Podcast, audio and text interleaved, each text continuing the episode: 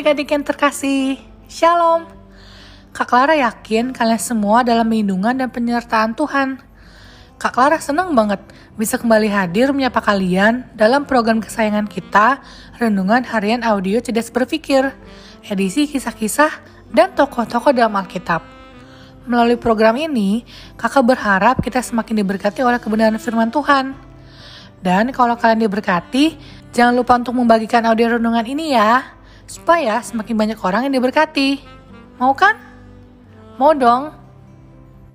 Kemarin kan kalian udah dengar kisah mengenai kematian Raja Ahab dan Raja Yosafat yang hampir celaka.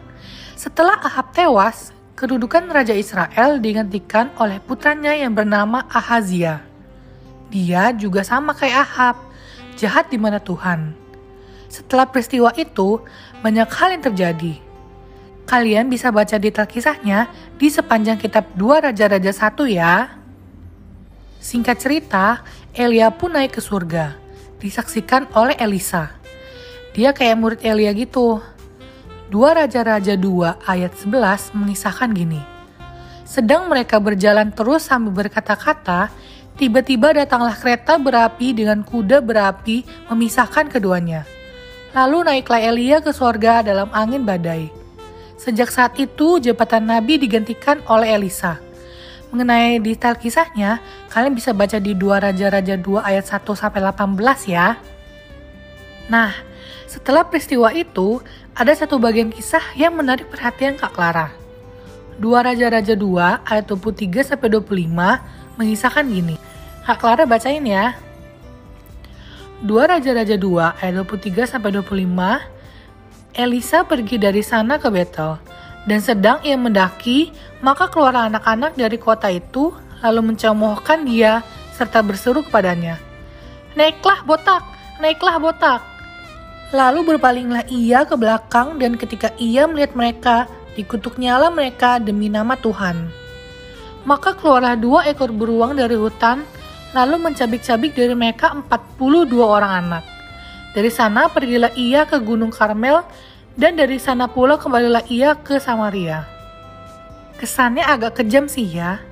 Gara-gara ngeledek Nabi Elisa, anak-anak tersebut malah mendapatkan musibah.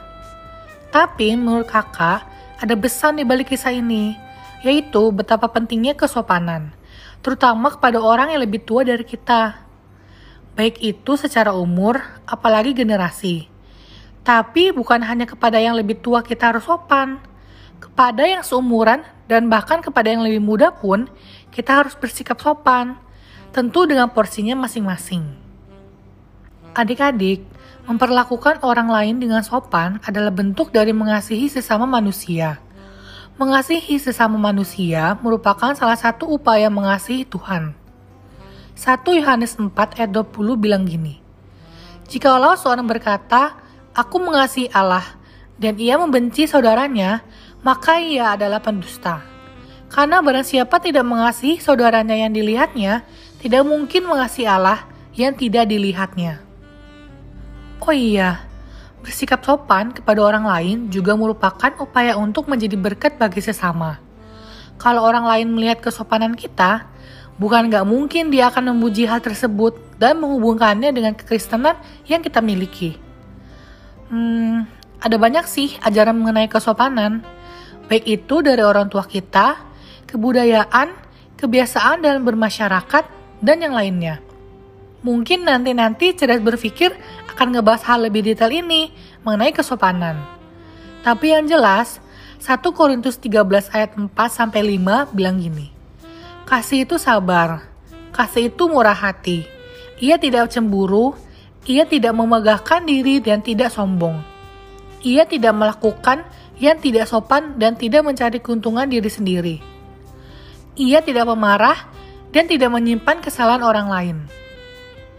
Jadi yuk kita belajar untuk bersikap secara sopan kepada sesama kita, baik itu kepada yang lebih tua, yang sumuran, ataupun kepada yang lebih muda. Tentu dengan porsinya masing-masing. Oke?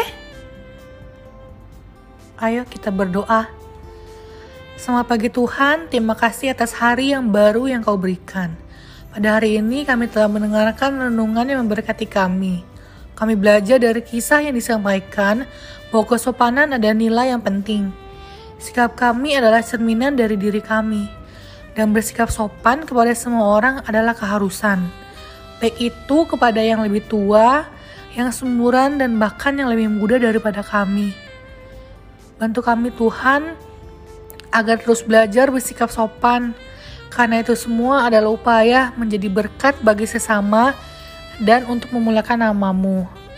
Terima kasih Tuhan, hanya dalam namamu kami telah berdoa dan mengucap syukur. Haleluya, amin.